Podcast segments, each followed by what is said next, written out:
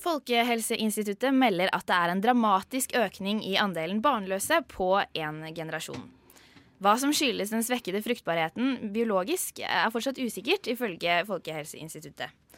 Eh, men eh, hvilke forklaringsmodeller kan samfunnsvitenskapen gi i denne sammenhengen? Har samfunnsendringer eh, noen mulige konsekvenser eller innvirkninger på denne trenden?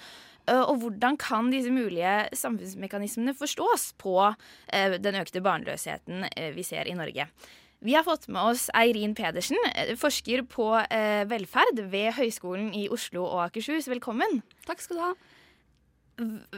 Altså, For å ta det største spørsmålet først. Hva kan mulige årsaker være til den svekkede fruktbarheten Um, ja, altså Svekte fruktbarheten, det er mange årsaker til det. For det første så er det jo veldig mange individer da, som tar avgjørelsen om å få barn. Så jeg holdt på å si, for hvert barn som ikke blir født, så er det nok en, det nok en grunn. Um, på den annen side så kan man si at uh, det er liksom ulike måter å måle uh, den svekte fruktbarheten på. Så nå sier forskerne at uh, fruktbarheten har gått ned Eh, i år. Og det vil si at antall fødte barn i år er færre, men det betyr ikke at antall fødte barn per kvinne nødvendigvis blir noe mindre. Sånn at disse kvinnene som ikke får barn i år, kanskje de får barn til neste år, kanskje de får barn om fem år. Så alt i alt så kan det godt være at hver kvinne ender opp med å få 2,1 barn, sånn som hun er forventet uh, å få. Um, så det kan være en av grunnene at man rett og slett teller feil, da. At man teller år og ikke barn per kvinne. Uh, andre årsaker til at folk utsetter å få barn, er uh, det man ofte kaller for sånn kultur, kulturhypotesen.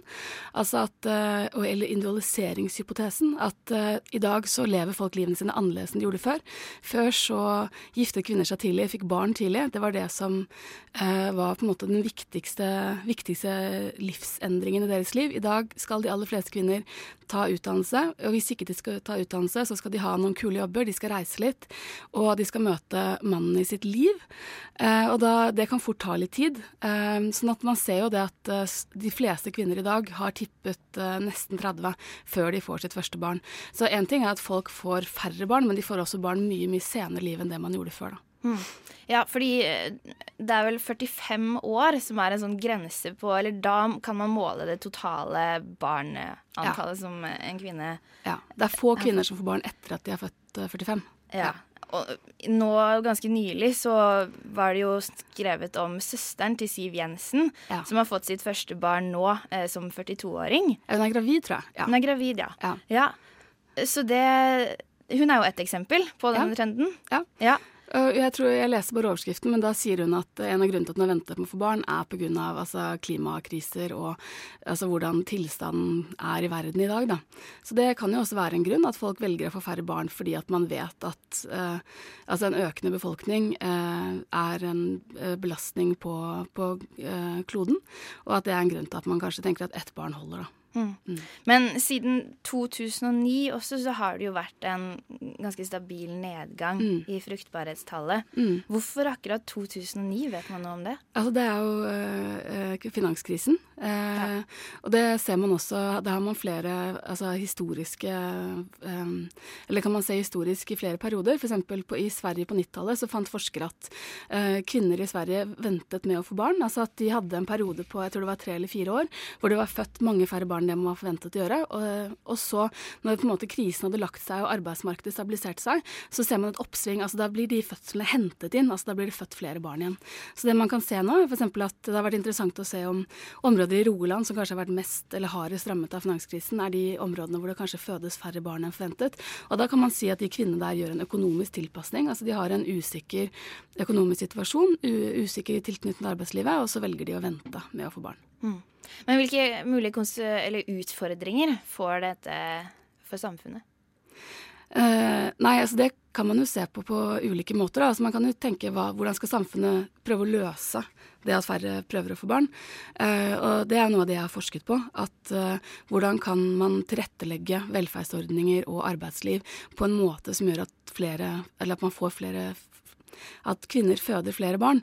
Um, og det man ser, er at kvinner trenger en trygg tilpasning. Altså de trenger et trygt arbeidsliv. De vil ha fast jobb, de vil ha gode arbeidsvilkår, de vil ha muligheten til å ha fleksetid, de vil kunne avspasere. Altså sånn, det er ting som er viktig for kvinner. Uh, og at de er avhengig av barnehagetilgang og permisjonsordninger.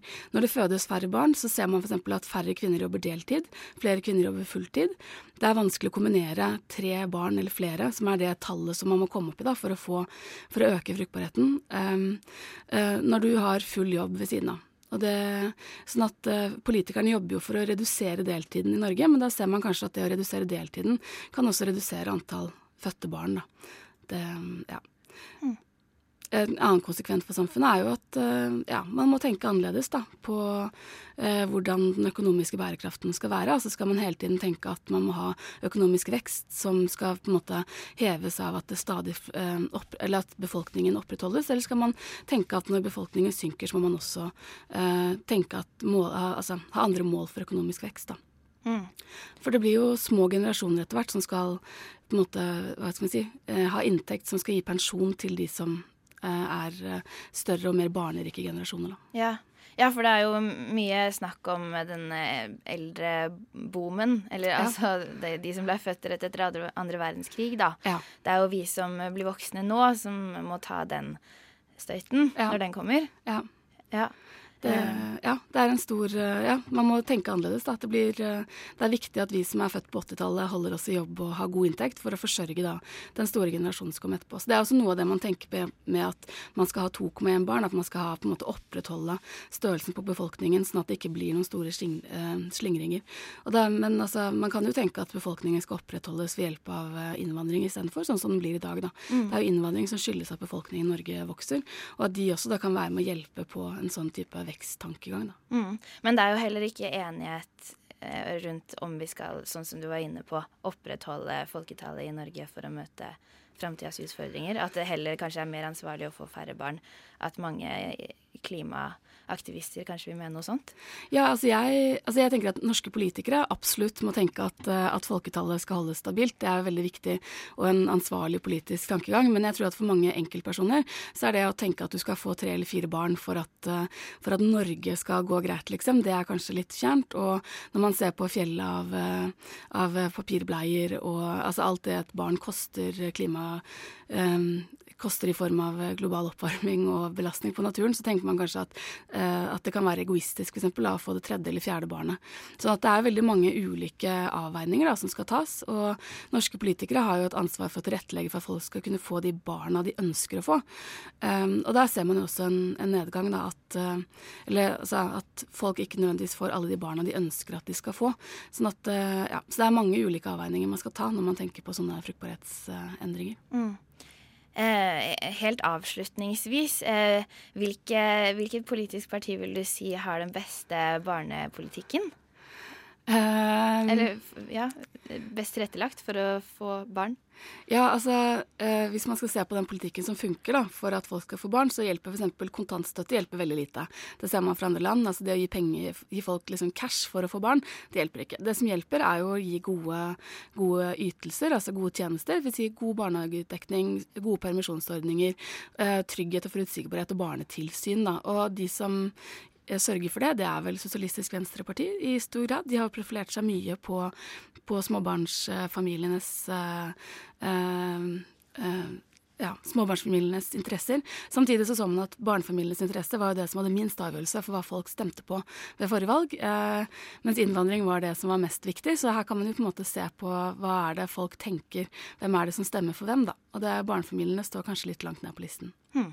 Men da vet vi i hvert fall det, at dersom man skulle ønske å få mange barn, så stemmer man Sosialistisk Venstreparti. Eh, tusen takk for at du kom i studio for å snakke om fruktbarhetsrater. Eirin Pedersen, forsker ved Høgskolen i Oslo og Akershus. Takk for meg. Du lytter til Radio Nova.